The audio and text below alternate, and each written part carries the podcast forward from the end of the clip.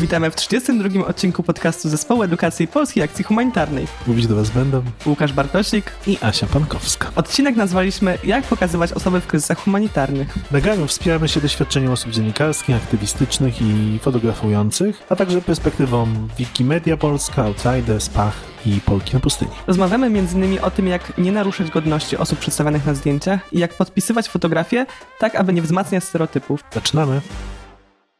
Ja nie wiem, jak to jest możliwe, że my jeszcze nie mieliśmy odcinka na ten temat, bo mam wrażenie, że od kiedy przyszłam pracować do Pachu po raz pierwszy, to jest temat, który jest zawsze wszędzie edukacyjnie przez nas e, podkreślany na każdym szkoleniu, na, w każdych materiałach edukacyjnych, w każdym programie. Zawsze podkreślamy tę wa wartość um, nie tylko tego co przekazujemy, ale też tego, jak przekazujemy, jakie obrazy dobieramy, tego właśnie, w jaki sposób pokazujemy osoby w kryzysach, że to jest jakieś w ogóle clue naszej działalności edukacyjnej, a tu 32 odcinek i dopiero, dopiero jak to się stało?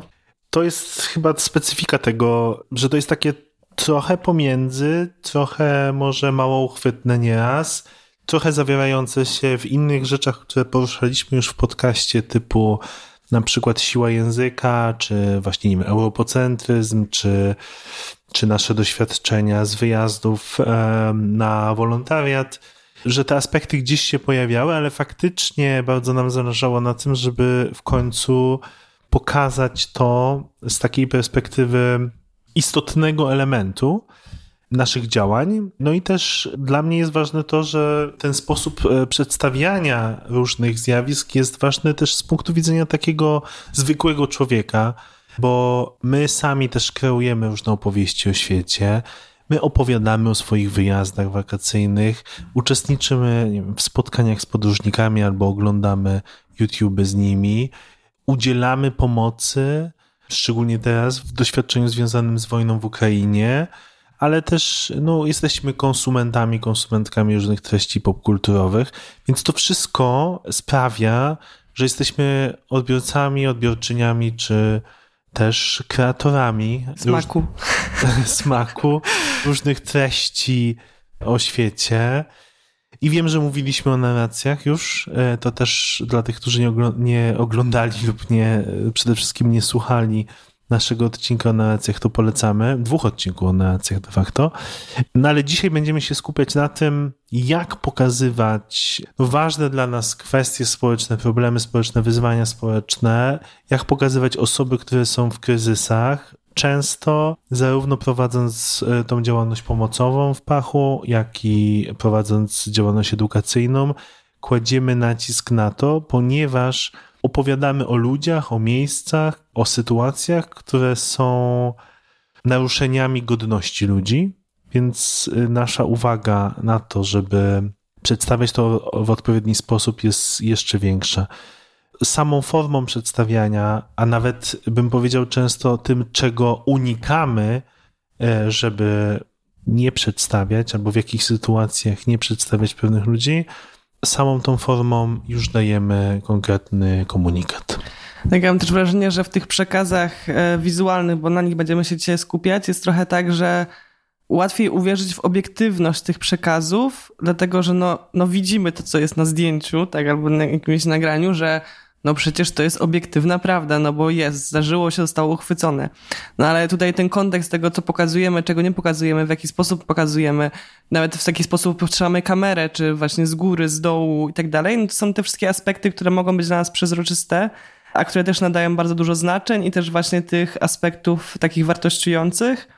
No i też będziemy się zastanawiać nad aspektem nie tylko tego, co jest, bądź czego nie ma na obrazie, ale też tego, w jaki sposób one są podpisywane, bo to też może zupełnie zmienić przekaz tego, co niby obiektywnie widzimy w kadrze. E, więc to różne takie aspekty. Będziemy też starali się z różnych perspektyw osób, które te przekazy tworzą. No ale zaczniemy od takiej najbardziej oczywistej perspektywy, czyli dziennikarskiej, no bo jakby nie było, jakby media społecznościowe i nowe przekazy nie kreowane naszej rzeczywistości, no tak jednak media tradycyjne wciąż mają dość dużą władzę w, w tym zakresie, to znaczy władzę taką tworzenia narracji, ale też tego, że no jednak nie wiem, żeby stworzyć reportaż z jakiegoś miejsca ogarniętego kryzysem, no to trzeba mieć też jakieś zasoby, najczęściej związane z jakąś redakcją, e, z jakimś projektem, żeby gdzieś pojechać, e, stworzyć te zdjęcia, nagrania. E, no i to te osoby potem, potem decydują właśnie, co się na tych, na tych przekazach znajdzie. Potem oczywiście to może być powielane przez różne inne kanały, ale wydaje mi się, że ciężko taką e, rzetelną pracę dziennikarską tutaj zastąpić współczesnymi influencerskimi działaniami. Dlatego zaczniemy od przekazania głosu osobie dziennikarskiej, ale też nie byle jakiej, z szczególnej redakcji Outriders. Jest to taka platforma, którą już pewnie polecaliśmy, wydaje mi się, że nie raz w podcaście, ale nigdy za wiele. Jest to właśnie platforma, która szczególnie opowiada o takich rzeczach, które być może najczęściej nie są w pierwszych nagłówkach gazet, ale o różnych tych globalnych kwestiach i też właśnie z dużym naciskiem na to, w jaki sposób wizualny przedstawiane są te narracje, w jaki sposób są opowiadane te historie, z czyjej perspektywy. Poza tym, że mają mm, portal z reportażami, to mają też taki magazyn, który możecie otrzymywać na swoje skrzynki mailowe mm, z wiadomościami ze świata. Bardzo polecamy. I mają też podcast. Też polecamy. Y, jest o tyle, powiedziałbym, nietypowy jak na polskie podcasty, że bardzo kładą nacisk na to, żeby były tam głosy był tak trochę bardziej reportażowo nagrywany, czyli nie jest taką pogadanką jak u nas. Dwóch osób, tylko często dzieje się, ten mikrofon wędruje w różne e, przestrzenie, więc bardzo też polecamy. I oddajemy głos gościom z Outriders. Kuba Górnicki, Outriders. Jeżeli chodzi o reguły, które mamy o, związane z takim przedstawianiem osób no, w sytuacji cięższej, w sytuacji kryzysowej, kiedy dzielą się z nami E, swoją historię, no to pierwszą regułą jest to, że muszą być świadomi tego, że rozmawiają z dziennikarką czy z dziennikarzem i że to, co powiedzą, będzie opublikowane. To jest jakby naszą pracą, więc to jest jakby pierwsza sprawa, żeby te osoby na pewno wiedziały, z kim rozmawiają i w jaki sposób może to być wykorzystane. To jest taka jakby podstawowa sprawa. No kolejną sprawą to jest powiedzmy takie zachowanie e, nasze przy wysłuchiwaniu tych historii. No ja bym powiedział, że tu generalnie chodzi o empatię i wyczucie sytuacji, e, o to, żeby w, w sposób wtórny nie wiktymizować tych e, osób, ale mamy też świadomość, że te osoby wiedząc, kim jesteśmy, bardzo często chcą się tą historią po prostu podzielić. Więc to jest takie trochę na odwrót, w sensie no załóżmy, że mamy osobę, której, nie wiem, członek rodziny został zabity. No, rozmówca czy rozmówczyni bardzo mocno to przeżywają, ale powiem tak, zdarzyło mi się sytuację, gdzie takie osoby przyszły do mnie, w, nie wiem, w złym stanie, nazwijmy to emocjonalnym, płaczące i tak dalej, ale chcące się jednocześnie tą historią podzielić, wiedząc, co robimy. Jeżeli można gdzieś tu znaleźć jakieś takie negatywne przypadki, powiedzmy, w tego typu, w tego typu sytuacjach, no to jest takie dziennikarskie wyciąganie historii, które przejdzie w, nie wiem, w jakieś takie nagabywanie, czy coś w tym stylu. Są też takie momenty, w których oczywiście część historii jest znana dziennikarzowi, żeby poznać szerszy kontekst, a nie jest dalej publikowana, bo to też trzeba pamiętać, że wysłuchanie niekoniecznie oznacza publikowanie. Więc czasem jakby też, też bym to rozdzielił. Możemy czasem podjąć decyzję po wysłuchaniu na przykład, że takiej historii nie podamy dalej, bo sami już stwierdzimy, że w jakiś sposób może to komuś po prostu zaszkodzić nawet, bo musimy pamiętać, że osoby, nie wszyscy muszą wiedzieć, jak funkcjonuje, nie wiem, system medialny, ale my wiemy. W związku z czym czasem my możemy taką osobę ochronić przed tym. Bardzo często zastanawiam się, tworząc materiał, czy on wzmacnia stereotypy. W ogóle zastanawiam się na tym. Uważam, że żyjąc w czasach tak silnych narracji, należy te istniejące narracje wziąć pod uwagę w momencie już wymyślenia historii. Dlatego, że wypuszczając potem materiał, można w sposób przypadkowy, nieintencjonalny, ale jednak stać się częścią pewnej narracji co sprawi, że, nie wiem, przedstawiona historia, przedstawione fakty po prostu zaczną daną narrację wzmacniać. I teraz, no to jest, powiem szczerze, bardzo trudne z racji tego, bo nie chodzi, żeby, nie chodzi o to, żeby wytwarzać swoją narrację, chodzi o to, żeby nie wpaść w jakąś taką pułapkę czyjś narracji.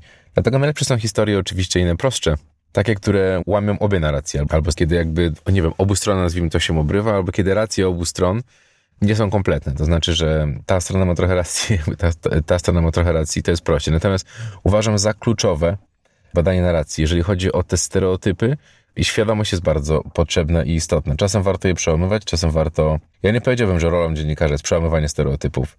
To się może zdarzyć. Stereotypy też nie wzięły się z niczego. One są z reguły jakąś hiperbolą potem e, zachowań. Pełnią też jakąś taką funkcję w społeczeństwie. One pomagają ludziom się po prostu w jakimś sensie poruszać e, w rzeczywistości. Faktem jest, że są też stereotypy, które z biegiem lat, no szczególnie jeśli chodzi o takie, nie wiem, zmieniające się kryteria moralne, kryteria etyczne, kryteria wolnościowe mogą bardzo szkodzić i w tych aspektach, no po prostu w sam fakt dziennikarskiego opisywania zmieniającego się świata jest już przełamywaniem stereotypów w tej wypowiedzi Kuby bardzo wybrzmiewa dla mnie to pytanie, czy ta historia, to co w tej chwili nagrywam, uwieczniam, utrwala stereotypy, wzmacnia stereotypy. I jakby to pytanie jest tutaj w tym kontekście dziennikarskim bardzo, ale dla mnie ono jest niesamowicie ważne w ogóle we wszystkich kontekstach, kiedy my gdzieś uwieczniamy coś i później mamy tą odpowiedzialność przedstawiania pewnej rzeczywistości na podstawie tego. I ta świadomość narracji, które są wokół tego i tego, z czym potencjalnie to, co przedstawiamy, będzie korespondowało w ludziach, jest bardzo dla mnie ważna i jest jednym z naszych, według mnie, celów edukacyjnych, żeby ją poszerzać. Bo nieraz trochę, szczerze mówiąc, złoszczę się na ludzi, którzy mówią, że, że to po prostu tak jest i ja tylko przedstawiam jakiś fakt itp. I trochę tak dystansują się od tej odpowiedzialności za to, co ludziom to zrobi. A wydaje mi się, że mamy tak dużo narracji zbudowanych na podstawie kultury, na podstawie różnych takich masowych przekazów, że to zawsze jest jakiś puzelek, który dochodzi do jakiegoś już częściowo ułożonego obrazu. Jeżeli my będziemy przedstawiać daną sytuację, na przykład, no bo podejrzewam, że większość z nas nie jest dziennikarzami tutaj słuchających, na przykład z jakiegoś wyjazdu, takiego typowo podróżniczego, to zawsze jakoś koresponduje z jakimiś wyobrażeniami ludzi, którzy mają na dany temat, danej grupy, danego regionu świata itp. Więc dla mnie osobiście jakoś bardzo wybrzmiewa to pytanie, które warto sobie zadać nie tylko w kontekście dziennikarskim, czy to, co pokazuje, wzmacnia stereotypy i z jakimi narracjami to koresponduje. Druga część wypowiedzi, którą słyszeliśmy, mówiła też o tej wiedzy w ogóle, do czego to będzie wykorzystane. Czy w ogóle wiem, że dziennikarz co zrobi z tym materiałem. Znaczy to też nie dotyczy tylko dziennikarzy, ale też w ogóle tak naprawdę każdego, kto robi takie zdjęcia bądź materiały, czy to pomocowe, czy do mediów społecznościowych, no bo jedna rzecz to jest zgodzić się na zdjęcie, a druga nie wiem, zgodzić się na publikację komercyjną w określonym kontekście, albo na przykład na to, że nie wiem, moja twarz będzie na billboardach w całym kraju, albo na to, że do mojej twarzy będzie dopisany jakiś nagłówek, który będzie miał bardzo konkretny wydźwięk, na przykład wzbudzający litość. To są też takie rzeczy, które wydaje mi się, że niestety, znaczy nie wydaje mi się, wiem to, że, że mamy bardzo różne standardy wobec osób w Europie, w globalnej północy, a w globalnym południu, że dużo mniej podmiotowo traktujemy też te osoby właśnie decydowaniem o ich własnym wizerunku i tego, na ile w ogóle tak czujemy, że musimy, że musimy im to wytłumaczyć i na pewno utrzymać zgodę. No a jeszcze druga kwestia, o której też e, trochę nasz gość wspominał, no to jest to, że te osoby nie muszą rozumieć całego kontekstu, my go rozumiemy i to też jest nasza rola, żeby mieć go na uwadze. To znaczy, na przykład, jeżeli jesteśmy organizacją wspierającą jakieś osoby, to czy jeżeli w jednej ręce trzymamy na przykład pomoc rzeczową, pomoc finansową, a w drugiej aparat, to czy ta osoba rzeczywiście ma tak naprawdę wybór? I czy to jest fikcyjny wybór, czy rzeczywisty? Czy ta struktura władzy, która powoduje, że ta osoba jest uzależniona od tego, czy my jej coś w jakiś sposób pomożemy, powoduje, że te osoby trochę jakby są, są w cudzysłowie skazane na to, że, że, że ten wizerunek będzie e, wykorzystany. No i to też jest coś takiego, co organizacje, ale też dziennikarze no muszą, muszą na pewno robić częste rachunki sumienia, bo jedno to jest po prostu mieć taką formalną zgodę, że ktoś mówi tak, możesz zrobić mi zdjęcie, a drugie to jest jeszcze ta cała jakby warstwa refleksji, czy na pewno osoba wie do czego, czy na pewno miała wybór, czy na pewno rozumie te wszystkie konteksty. I no, to, to zawsze takie może banalne, ale dobre ćwiczenie to jest jakby, czy my byśmy chcieli być w takim kontekście pokazywani gdzieś indziej. Jeżeli sobie wyobrazimy, żebyśmy znaleźli się w jakiejś sytuacji kryzysowej, czy na przykład chcielibyśmy, żeby ktoś pokazał w ten sposób nas, naszą rodzinę, naszych najbliższych, na przykład żebyśmy właśnie byli na takich billboardach, na takich plakatach, na takich wkładkach do gazet, które miałyby zbierać pieniądze e, na jakiś cel, nie? Więc e, to jest taka refleksja, która często niestety widzimy, że, że cel uświęca środki jest e, wciąż stosowany i przez takie kampanie my potem mamy jeszcze więcej pracy edukacyjnej, żeby to wszystko odkręcać, bo to tak naprawdę dużo tych stereotypów i też no, przekazów wprost kolonialno-rasistowskich bierze się właśnie też z takich kampanii to podziękujmy teraz wszystkim, którzy robią, bo mamy pracę, temu, super. Dzięki temu mamy pracę. I poszukujemy jeszcze więcej osób do pracy i wszyscy powinniśmy też edukować na bieżąco. Perpetuum tak, mobile. Mm, tak, a tak na serio dokończmy jeszcze wypowiedź Kuby, bo przerwaliśmy na chwilę. Bo jeszcze jeden aspekt tutaj e, chcielibyśmy e, skomentować i przedyskutować. Przedstawianie ludzi w sposób podmiotowy, to dla mnie oznacza Kurczę, nigdy o tym nie myślałem. Ania, co dla ciebie oznacza przedstawienie ludzi w sposób podmiotowy? Chcesz się wypowiedzieć do podcastu Polskiej Akcji Humanitarnej? No mogę powiedzieć, co to znaczy, ale nie wiem, możecie tego nie wykorzystywać też, ale dla mnie jest tak, że no przede wszystkim e, człowiek, czyli nasz rozmówca, nasz bohater, no to on jest tutaj w centrum tych wydarzeń. To nie, że on jest tłem do tego, co my myślimy, co my uważamy, e, jaki my mamy tutaj, nie wiem, kontekst albo tezę. No nie przychodzimy z tezą, to właśnie my pytamy, rozmawiamy z tą osobą, jakbyśmy nic nie wiedzieli w danym temacie. My nie stawiamy się w roli eksperta, my się stawiamy w roli osoby, która wysłucha i przekaże jakby dalej e, swoim odbiorcom, czytelnikom. Tak, to podmiotowe traktowanie jest yy, też może brzmieć tak bardzo oczywiście, ale yy, szczerze mówiąc, w wielu sytuacjach widziałem to w praktyce jako coś e, wybitnie trudnego. Pytanie Kolejne, które warto sobie zadawać, kto jest głównym bohaterem tej historii. Na przykład też możemy się odnieść do, do naszego podcastu z, z analizy YouTube'a polskiego. Tam wybrzmiał też taki aspekt roli tych YouTuberów podróżniczych, którzy przede wszystkim są centralnym elementem tej historii. Ale to także wybrzmiewa w wielu dyskusjach publicznych, które mamy Szczególnie w tych e, kwestiach społecznych, gdzie mamy do czynienia z mniejszościowymi grupami, przede wszystkim traktowanymi w sposób mniejszościowy. Kto opowiada o osobach uchodźczych, jak bardzo oni są włączeni w ten proces, jak bardzo są aktorami, aktorkami tego procesu, mogą na niego wpływać, mogą przede wszystkim występować w roli eksperckiej. Czy wszyscy chyba znamy też te wszystkie przykłady mówienia o kobietach bez kobiet, tak w, różnych dyskusjach, w telewizji, w debatach, brak reprezentacji. No a my w naszym dzisiejszym podcaście skupiliśmy się na grupie muzułmanów i muzułmanek przede wszystkim, bo zapytaliśmy o doświadczenie Polkę na pustyni, tak nazywa się e, profil na Instagramie, który też bardzo serdecznie Wam polecamy, bo jest jednym z tych takich e, profili, sposobów opowiadania o świecie, który przełamuje pewien stereotyp. No i pytamy o to w kontekście właśnie tej grupy, jak w Polsce przedstawiona jest społeczność muzułmańska i jakie są patenty na to, żeby może troszeczkę rozbrajać te sposoby opowieści. Posłuchajmy. Cześć, nazywam się Lena Halit i jestem autorką bloga Polka na pustyni. Zastanawiam się, co o mnie pomyślisz, jeżeli powiem ci, że skończyłam cztery kierunki studiów i jestem w trakcie pisania swojej pierwszej książki. Brzmi fajnie, prawda? A co sobie o mnie pomyślisz, jeżeli powiem ci, że jestem muzułmanką, która na co dzień nosi hijab?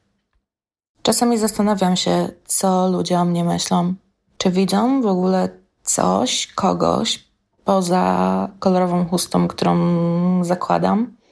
Bo już nauczyłam się nie nosić czarnych. Czy jestem idiotką, która zmieniła religię dla męża? Czy może uciśnioną kobietą, którą należy uratować? Albo to mąż mnie zmusza do noszenia hijabu? Bo czy też nie tego nauczyły nas media?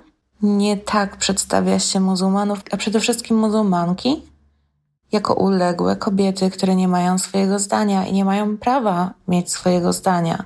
Jako kobiety, które nie wychodzą z kuchni, na temat których decyduje o wszystkim mąż lub ojciec. Generalnie kobiety, które nie istnieją. I ja się wcale nie dziwię temu, że ludzie tak o nas myślą. Liczbę muzułmanów w Polsce szacuje się na zaledwie kilkadziesiąt tysięcy, czasami nawet mniej. Więc ile osób z nas ma szansę poznać muzułmanina? My nie mamy dobrych przykładów muzułmanów. Możemy polegać tylko na tym, co słyszymy w telewizji. My nie widzimy przedszkolanki w hijabie, nie widzimy lekarza z brodą, chociaż lekarkę w hijabie w Warszawie mamy przynajmniej jedną. W swojej działalności internetowej dużo mówię, dużo wyjaśniam na temat islamu, na temat kultury różnych regionów, krajów muzułmańskich, ale jakiś czas temu zdecydowałam, że zacznę to pokazywać. I sięgnęłam do twórczości muzułmanek z najróżniejszych zakątków świata. Zaczęłam regularnie udostępniać ich treści. zaczęłam pokazywać kobiety, które są lekarkami, okulistkami, pielęgniarkami, takie, które noszą niqab i skaczą na spadochronie, albo takie, które służą w wojsku. Kobiety, które podróżują i zwiedzają świat i których hijab w żaden sposób nie ogranicza. Bo w jaki sposób mogłaby nas ograniczać chusta na głowie? Ograniczają nas jedynie ludzie. Ten przekaz okazał się strzałem w dziesiątkę. Nigdy wcześniej tyle osób nie napisało do mnie, że odczarowałam im muzułmanów, muzułmanki, świat islamu. Nigdy wcześniej nie dostałam tylu wiadomości od osób, które powiedziały, że otworzyłam im oczy. Właściwie nie ja, tylko te wszystkie kobiety, które pokazują swoje codzienne życie, które pokazują, że ich świat nie zaczyna się i nie kończy się tylko i wyłącznie na religii. Jeżeli nie mamy w swoim otoczeniu muzułmanów, tym ważniejsze jest to, w jaki sposób ich przedstawiamy. Jestem przekonana, że wszelka niechęć do muzułmanów bierze się ze strachu i z braku świadomości, że jesteśmy dokładnie takimi samymi ludźmi. Strach się łatwo sprzedaje i ludzie o wiele chętniej klikną na tytuły artykułów związanych z przemocą, niż takie, gdzie jakaś przypadkowa Lena, muzułmanka z Warszawy, opisuje swoje zwyczajne i często nudne życie. Z nagłówków w mediach, które dotyczą muzułmanów, utkaliśmy wizję muzułmańskiego świata. Wizję, która jest prawdziwa, ale tylko w niewielkim procencie. Brakuje w niej przestrzeni na to zwyczajne życie, albo na mniej zwyczajne, pełne radości, odkrywania nowych miejsc i nowych doświadczeń. Możemy to zmienić tylko w jeden sposób: pokazując muzułmanów, pokazując muzułmanki, bo my ze względu na nasz strój jesteśmy bardziej widoczne niż mężczyźni w innym kontekście. A ja mogę mieć tylko nadzieję, że taki przekaz trafi do jak największej liczby osób i że gdy będę wychodziła na ulicę, ludzie nie będą widzieli tylko i wyłącznie mojego hijabu, ale zaczną patrzeć na mnie jak na zwyczajną osobę. Osoby muzułmańskie to, to jest taka grupa, która wydaje mi się, że jest ekstremalnie narażona na to, że, że jest pokazywana właśnie czy w mediach, czy w ogóle w przekazach wokół nas tylko w jednym bardzo konkretnym kontekście. I ja też zapałam się w pewnym momencie na tym, między innymi dzięki właśnie profilowi Polki na pustyni, że dla mnie są bardzo zaskakujące takie wizerunki osób w chustach na przykład robiących zwykłe rzeczy, że to w ogóle jest coś, czego zupełnie nie przywykłam. W ogóle zdjęcia osób e, muzułmańskich śmiejących się, robiących rzeczy takie jak sport, taniec, jakieś takie codzienne, zwyczajne życie, gotowanie, ale właśnie nie takie stereotypowe gotowanie, jakbyśmy widzieli w, w broszurze podróżniczej, tylko takie zwyczajne, codzienne życie. No to to jest coś, z czym musiałam się też, znaczy specjalnie właśnie od pewnego czasu, między innymi dzięki właśnie tej świadomości, która przyszła z, z profilu Leny, zaczęłam się wystawiać więcej na te treści, zaczęłam też śledzić więcej takich rzeczy w mediach społecznościowych i teraz już pewnie bardziej jest to dla mnie naturalne, ale no była to terapia dość szokowa, bo przede wszystkim też smutne to było doświadczenie, kiedy zdałam sobie sprawę, że mimo, że właśnie teoretycznie taka tolerancyjna, a tu za mało, bo, bo w tym temacie mam, mam duże braki takie też, jeśli chodzi o, o refleksję, ale też właśnie o samą to, na ile jestem wystawiona na te narracje i kontrnarracje. Myślę sobie, że jest oczywiście dużo więcej y, takich tematów, ale właśnie te media społecznościowe to jest świetne miejsce do tego, żeby to przełamywać, ale oczywiście świadomie z nich korzystamy i na przykład nie wiem, świadomie śledzić osoby, których jest mało w przestrzeni publicznej, na przykład inną takich narracji, która mnie też zaskoczyła, jak bardzo mało widziałam wcześniej zdjęć, na przykład osób grubych jedzących albo dużych miast z Afryki, tak? No to są różne takie rzeczy, które można śledzą konkretne profile, świadomie się wystawiać na inne treści. Też jest taki oczywiście niszowy trend, ale jest trend na przykład pozytywnych informacji ze świata, żeby też e, trochę inaczej się ramować, że nie tylko dzieją się rzeczy straszne, ale też na przykład szukać, nie wiem, pozytywnych wiadomości w zakresie jakiegoś progresu społecznego albo, nie wiem, pozytywne wiadomości o klimacie, że coś się udało gdzieś przeforsować, żeby też e, karmić się właśnie określonymi rodzajami treści. Nie chodzi o zakłamywanie rzeczywistości, tylko o trochę jakieś takie prowadzenie balansu do tego, co naturalnie w cudzysłowie pojawia się w naszej przestrzeni, a co się nie pojawia i do czego trzeba jakoś świadomie zrobić tą przestrzeń i świadomie, nie wiem, wykonać wysiłek, żeby po to sięgnąć. Tak samo jak, nie wiem, trzeba dorastając w naszym kręgu kulturowym, świadomie sięgnąć po książki na przykład spoza Europy i Stanów Zjednoczonych, bo one się w cudzysłowie znowu naturalnie nie pojawiają ani w szkole, ani na studiach, ani też najczęściej nie pojawiają się po prostu w popularnych zestawieniach. Tak samo i właśnie korzystając z tych mediów społecznościowych, zachęcam do tego, żeby się zastanowić, jakich tych przekazów nie widzimy i może w ten sposób je uzupełnić, na przykład followując jakieś konkretne profile. A zacząć możecie oczywiście od Polki na pustyni, bo jest to naprawdę ciekawe i edukacyjne, ale też po prostu angażujące treści. Jeżeli jesteśmy już przy szukaniu treści w internecie, zmienianiu narracji, to to jest dobry moment na to, żeby powiedzieć, przypomnieć o naszym zestawie artykułów y, dotyczących narracji, ale także podkreślić, że on jest rozbudowywany i pojawiają się nowe artykuły i będą pojawiać się nowe. I już za chwilę na stronie par.org.pl ukośnik lokalnie, myślnik globalnie będzie między innymi artykuł Leny o tych kwestiach, które poruszała w wypowiedzi, ale przede wszystkim o, o wizerunku kobiet e, muzułmanek. Myślę, że to fajne rozwinięcie tego aspektu. Jeżeli jesteśmy przy internecie i przy kwestiach e, związanych z kreowaniem pewnych narracji, zdobywaniem wiedzy za pomocą internetu, to oczywiście nie ma lepszego źródła niż Wikipedia. Każdy z niej korzystał zapewne, albo przynajmniej prawie każdy ma jakieś doświadczenia. Mam nadzieję, że też macie doświadczenia w edytowaniu i w współtworzeniu Wikipedii. Natomiast y, na pewno jest to narzędzie, które ma ogromną siłę w tworzeniu wiedzy, a przy tym wyobrażeń o świecie. No ale oczywiście, mimo tego, że jest ono bardzo oddolne i tworzone przez miliony ludzi na całym świecie, to ma bardzo konkretne zasady. I trochę o te zasady podpytaliśmy u źródła. Opowie o nich e, w skrócie Klara z Wikimedia Polska. Posłuchajmy tej wypowiedzi. Klara Sielicka-Barełka, menedżerka do spraw otwartej edukacji w Stowarzyszeniu Wikimedia Polska. Tak Wikipedię, jak i jej projekt siostrzany, który gromadzi zdjęcia, czyli Wikimedia Commons, tworzą wolontariusze z całego świata. Wikipedie są językowe, tworzone przez lokalne społeczności, natomiast Wikimedia Commons jest międzynarodowe.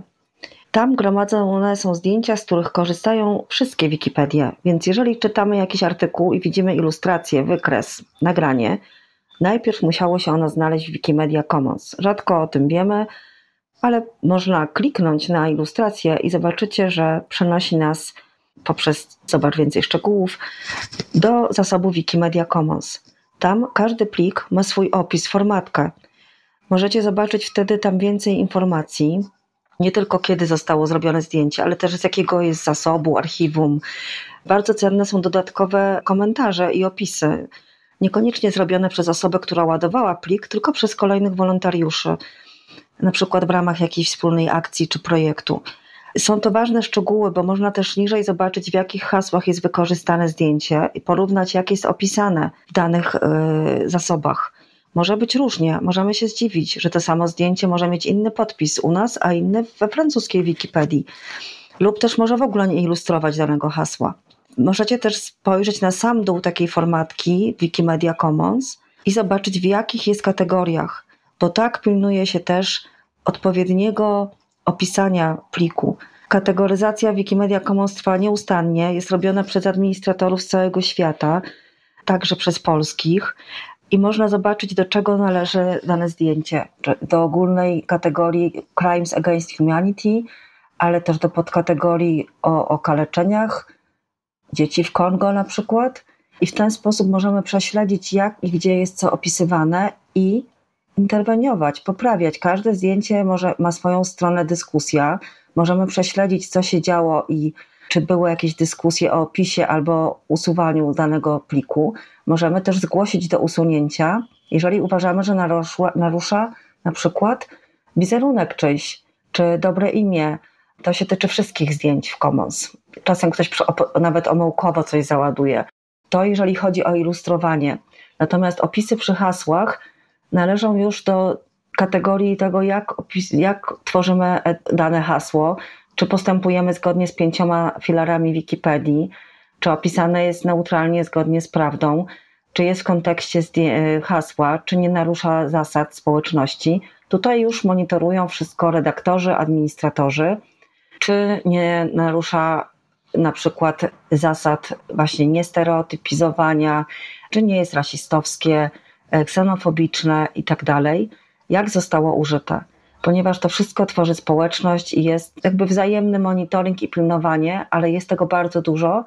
Stąd uprawnienia redaktorów do zatwierdzenia zmian nie, ma, nie mają wszyscy, administratorów jest jeszcze mniej.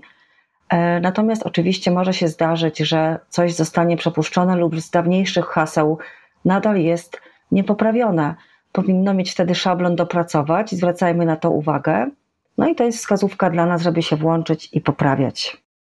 Można powiedzieć, że Wikimedia, Wikipedia to jest taki wręcz idealny przykład tego, jak bardzo wszyscy musimy dbać o te przekazy, no bo teoretycznie, no tak, po prostu ktoś wrzuca jakieś rzeczy i one są, ale to, czy je dopuszczamy w przestrzeni publicznej, ta rola też moderacji, tego, czy się na to zgadzamy, czy nie, też tego, w jakim kontekście coś umieszczamy, jak coś podpisujemy. Oczywiście nie znaczy, że wszyscy jesteśmy moderatorami Wikipedii, ale wszyscy jesteśmy moderatorami jakichś przestrzeni publicznych, jakiejś przestrzeni na przykład naszych własnych profili społecznościowych, ale też tego, co, co mówimy do innych ludzi, co przekazujemy, co wysyłamy z własnych wakacji.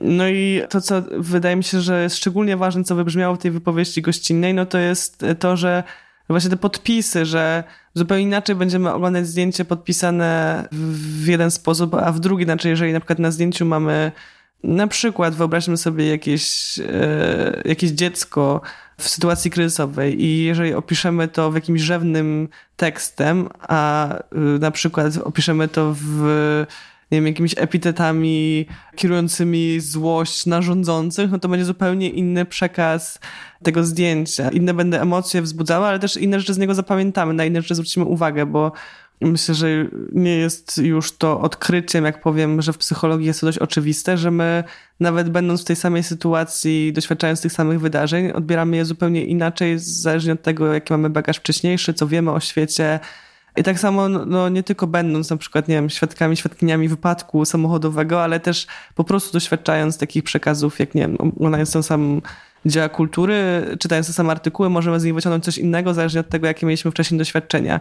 No i te podpisy do zdjęć też nadają temu jakiś kontekst, jakby są na nas taką czasami bardziej widoczną, czasami mniej widoczną podpowiedzią, jak zinterpretować to, co widzimy. No i to, w jaki sposób to podpiszemy, no, zmienia wszystko. Dlatego też dla nas jest szczególnie ważne w kontekście pomocowym, ale w każdym takim kontekście, żeby dbać o to, żeby wszystkim osoby były w ogóle podpisane, żeby było wiadomo, kto to jest w jakim kontekście, a nie po prostu wioska w Afryce, tylko na przykład gdzie to się znajduje, w jakim kontekście, kto to jest.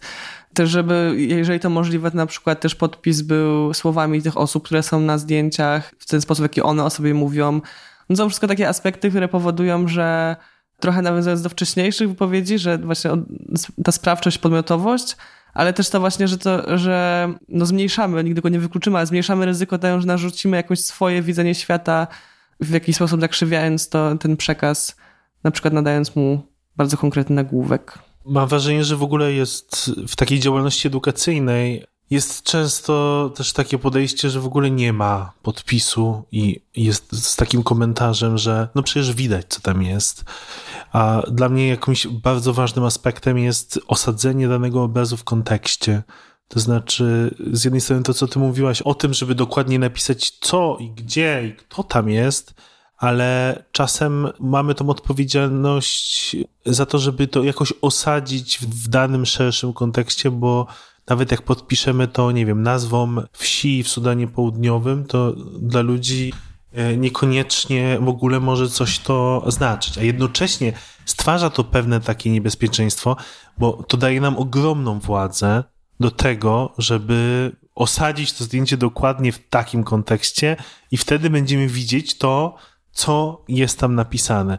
Nie ma tu jednoznacznej odpowiedzi, jak to w naszych edukacyjnych różnych rzeczach, ale na pewno nie zostawiałbym takich przekazów wizualnych bez opisu, kontekstu.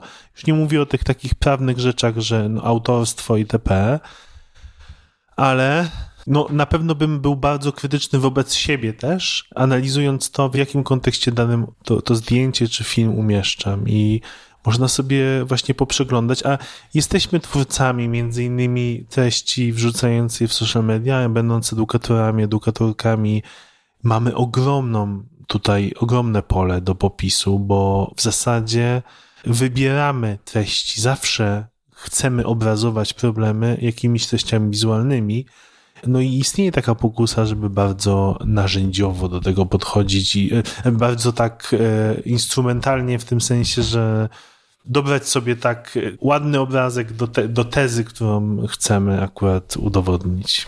A to też może mieć bardzo takie konkretne przełożenie na nasze wyobrażenie o świecie, uciekając się znowu do przykładu, który po prostu jest nasz, nam bliższy, więc może łatwiej sobie wyobrazić. No to osoby z Ukrainy, które przybyły do Polski w przeciągu ostatnich miesięcy, bardzo często w przekazach takich medialnych, ale też w mediach społecznościowych są pokazywane w tych momentach, kiedy udzielane jest im wsparcie, kiedy na przykład są w jakichś e, miejscach pomocy, kiedy są w jakichś miejscach e, zbiorowego zakwaterowania.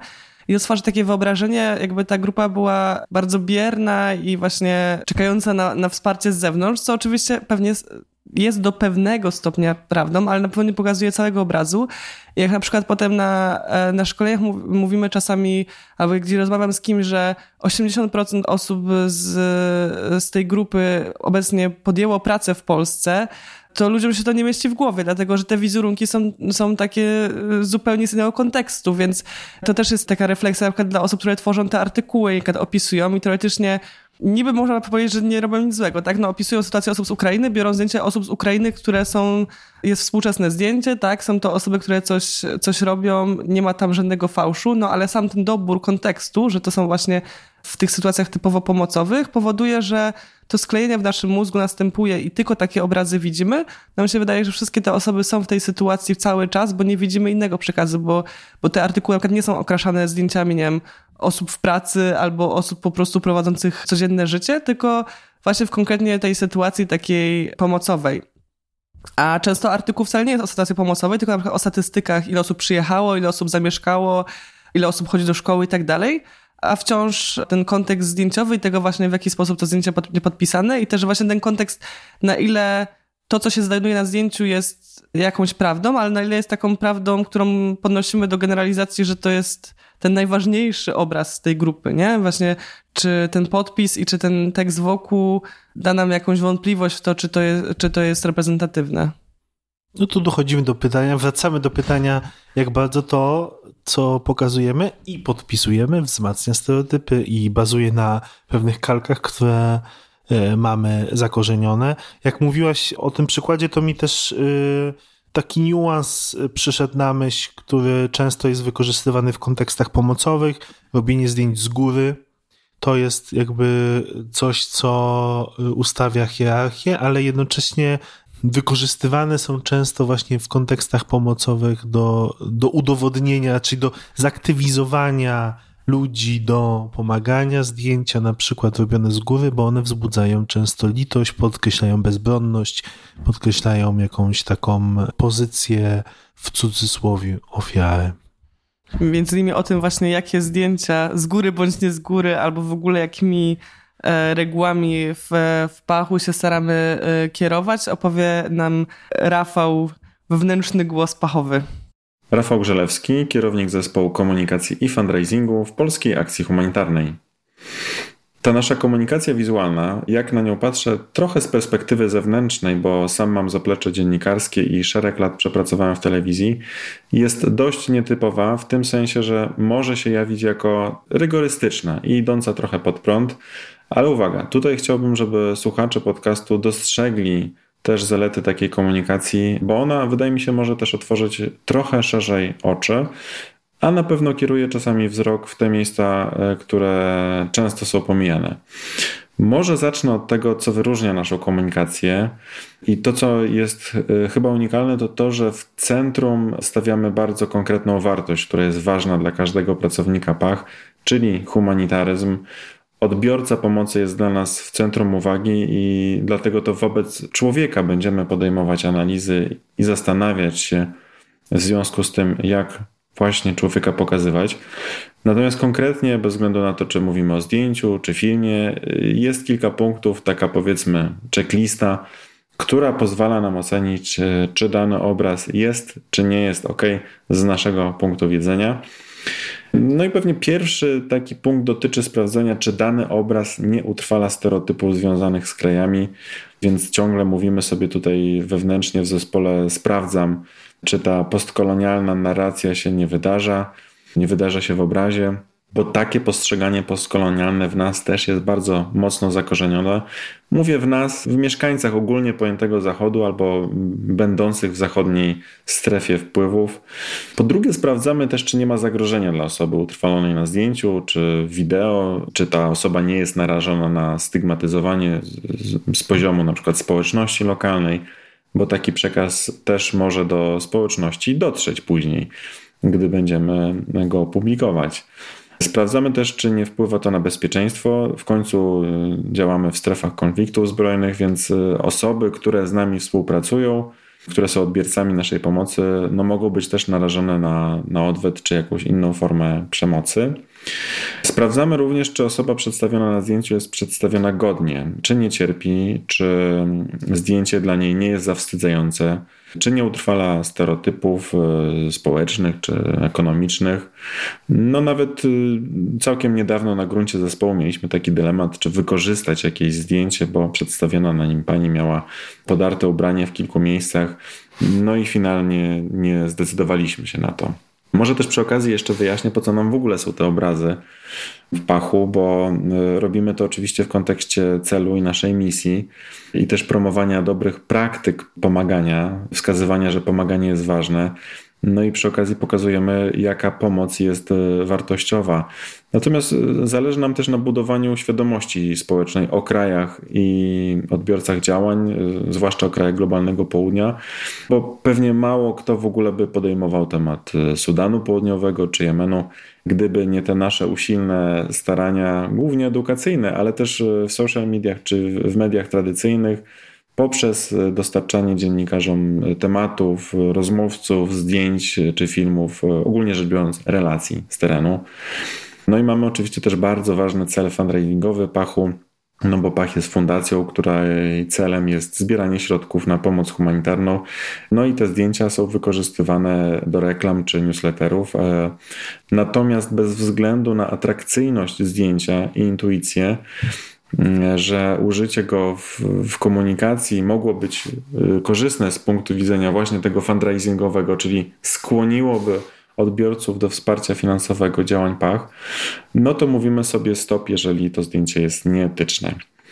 Najczęściej te zdjęcia nieetyczne są y, po prostu w jakiś sposób y, skrajne i dramatyczne. No tak naprawdę to moim zdaniem w ostatnich latach inflacja dramatycznych obrazów jest tak duża, że obraz już właściwie przestał szokować. Y, już tak wiele rzeczy zobaczyliśmy, że kolejny dramatyczny obraz nie robi takiego wrażenia, y, raczej powoduje odwrócenie wzroku albo znieczulenie. Y, natomiast my chcemy budować alternatywę, budujemy taką, powiedzmy, kontrnarrację i ja z tej perspektywy eks-dziennikarskiej też jako były rzecznik Pachu patrzę na to trochę jako właśnie uzupełnienie tej narracji, która dominuje, bo zaczynamy mówić, czy mówimy poprzez godność człowieka, także, że pomoc jest skuteczna, że ma sens, że jest jakaś możliwa, możliwa odpowiedź, że jest rozwój, że jest postęp, coś się w ogóle zmienia w świecie.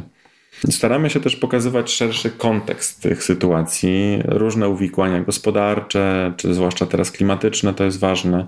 No ale nade wszystko nie chcemy też e, ludzi, naszego społeczeństwa najczęściej e, zostawiać w bezradności, że jest źle i nic się nie da zrobić. Właściwie ta pomoc humanitarna to jest studnia bez dna i tylko takie podtrzymywanie życia.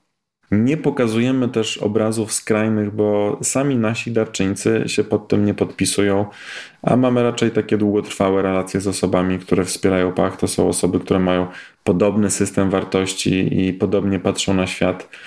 No cel tutaj nie uświęca środków.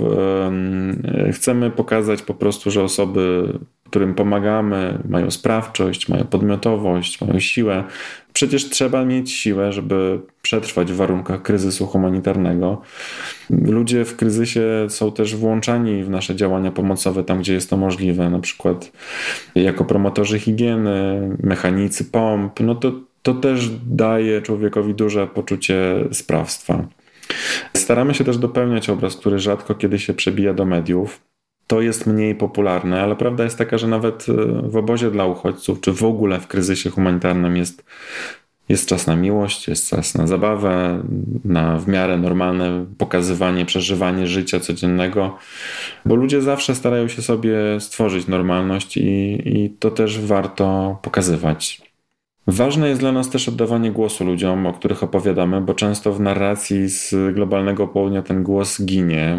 To jest oczywiście pewnego rodzaju wyzwanie, bo często trzeba korzystać z pomocy tłumacza. No natomiast nie, nie wyobrażamy sobie, żeby nie dać szansy na opowiedzenie o sytuacji ludziom, którzy ją właśnie przeżywają. Pewnie warto by było, żebym Wam podrzucił wskazówki, jak e, Wy możecie sobie radzić z takimi dylematami etycznymi w zakresie obrazów, no bo też podróżujecie do różnych krajów, czasami do kraju globalnego południa, czasami do krajów, w których trwają kryzysy humanitarne albo do krajów ubogich.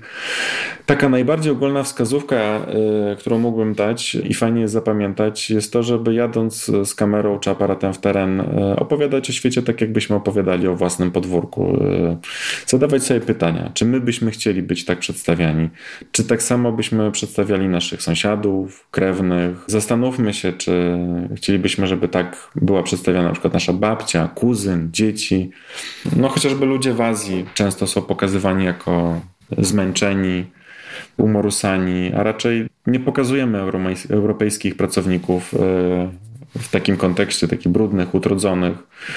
No zadawajmy sobie pytanie, czy sami byśmy chcieli pokazać tak naszą rzeczywistość i opowiadać o Polsce. Pamiętajmy, że po drugiej stronie zawsze są ludzie z krwi i kości, którzy też czują, którzy też mają rodziny. Nie chodzi o to, żeby nie pokazywać rzeczy brzydkich, ale pokazywać codzienność, która też uwzględnia taki zwykły szacunek do drugiego człowieka. No każdy człowiek, e, który tworzy komunikat przy pomocy obrazu, odpowiada też za to, jest odpowiedzialny za to, jaką prawdę przekazuje i kreuje.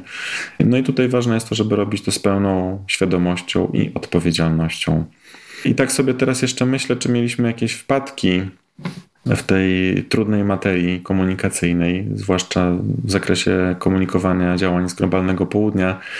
E, z pewnością tak, bo temat jest y, dosyć zniuansowany. Sami cały czas mamy na poziomie zespołu dyskusję, czy jakieś zdjęcie, czy wideo są etyczne, czy nie. To nie są takie mm, proste kwalifikacje, nie ma tutaj algorytmu. Nawet teraz, jak patrzę na zdjęcia z początku funkcjonowania pachu, czy nawet dużo późniejsze, późniejsze jeszcze lata 2000, no to widzę, że teraz takimi obrazami byś, byśmy się pewnie nie posługiwali, bo są w nich y, klisze, stereotypy. Też, jak kilka lat temu na Facebooku umieściliśmy zdjęcia dziewczynek z Somalii, które dostaliśmy od e, pracowników lokalnych Pachu, którzy prowadzili w szkole w Mogadiszu dystrybucję podpasek.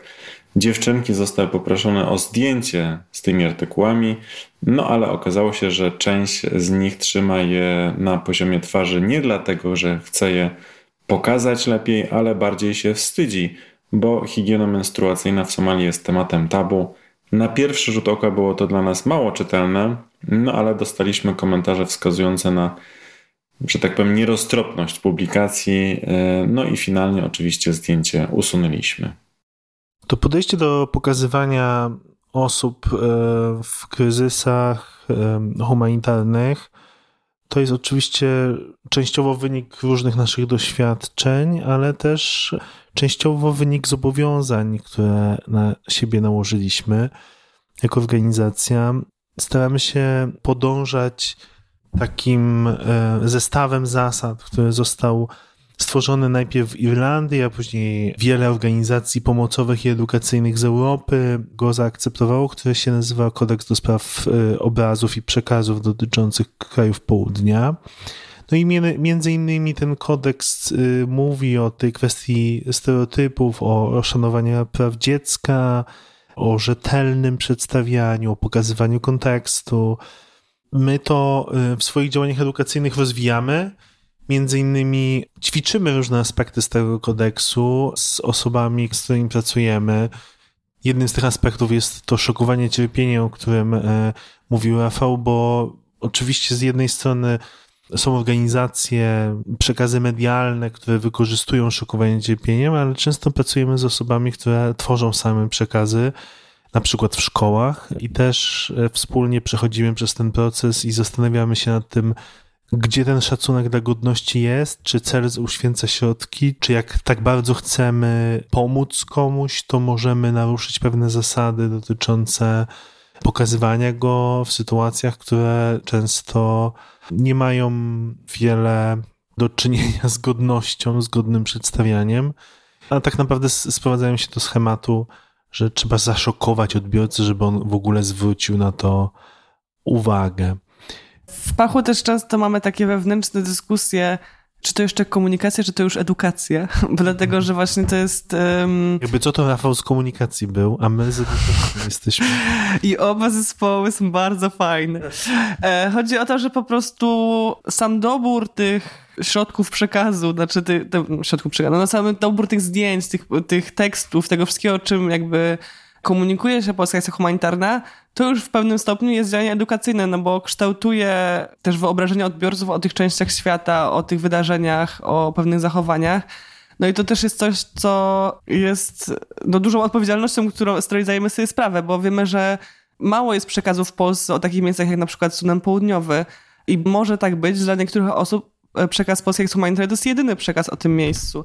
I tak samo o wielu innych kryzysach. Dlatego też to nie jest tylko rola tego, żeby przekazać informacje o tym, że coś się wydarzyło, ale jest w tym jakiś miks też taki edukacyjny tego, że w ogóle normalizować właśnie sposób, w jaki o tym mówimy, w sposób, w jaki pokazujemy osoby w ogóle. Zwracanie też uwagi na konkretne grupy, bo na przykład w kontekście kryzysów humanitarnych bardzo często są widoczne dzieci, bo one są w kampaniach fundraisingowych. No, często w miarę są widoczne kobiety, ale na przykład osoby starsze już są o wiele mniej widoczne i na pewno mniej, w cudzysłowie, klikalne w social mediach. No to też nawiązując do wcześniejszej wypowiedzi, no to na przykład osoby widocznie e, muzułmańskiego wyznania też akurat są mniej popularne w cudzysłowie w kampaniach fundraisingowych w Europie, nie? Mhm. Więc warto to też równoważyć w działaniach edukacyjnych, w takiej działalności w cudzysłowie bym powiedział, aktywistycznej w social mediach, uzupełniać ten obraz, czynić go bardziej zróżnicowanym, oczywiście z szacunkiem dla godności osób, które przedstawiamy. No dla mnie szczególnie w tym kontekście rozróżnienia też między komunikacją a edukacją jest niezwykle ważny ten kontekst i dawanie tego kontekstu y, w komunikacji, która jest często takim o wiele krótszym sposobem y, przedstawiania punktowym. On nieraz umyka, albo jest bardziej narzędziowy. W edukacji mamy więcej czasu na to, więc do tego zachęcam, żeby, e, żeby to robić.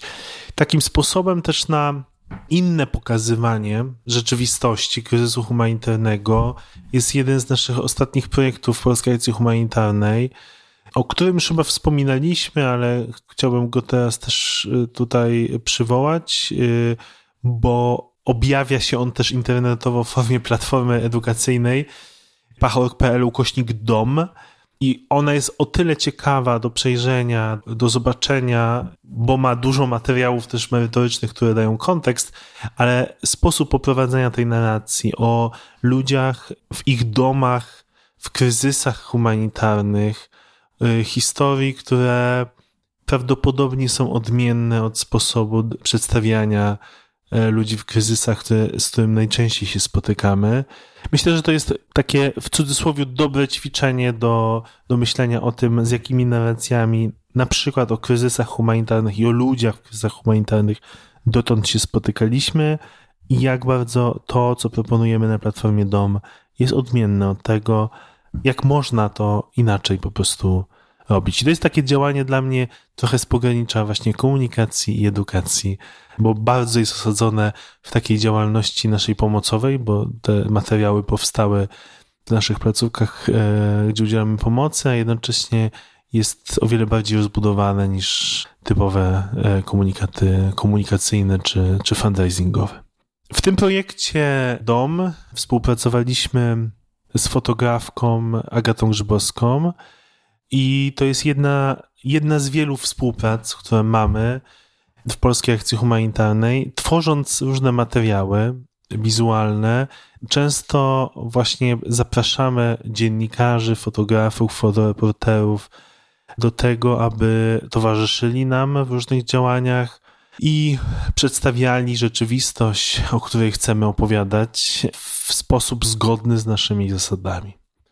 Dzisiejszy odcinek podcastu właśnie zakończymy rozmową z jednym z takich fotografów, a jednocześnie edukatorem, z Karolem Grygorukiem. Miałem okazję spotkać się z Karolem podczas e, jednego z naszych szkoleń, gdzie był gościem, bo właśnie też próbujemy e, włączać te aspekty na naszych szkoleniach, stykać osoby, z którymi pracujemy, z takimi praktykami pokazywania świata.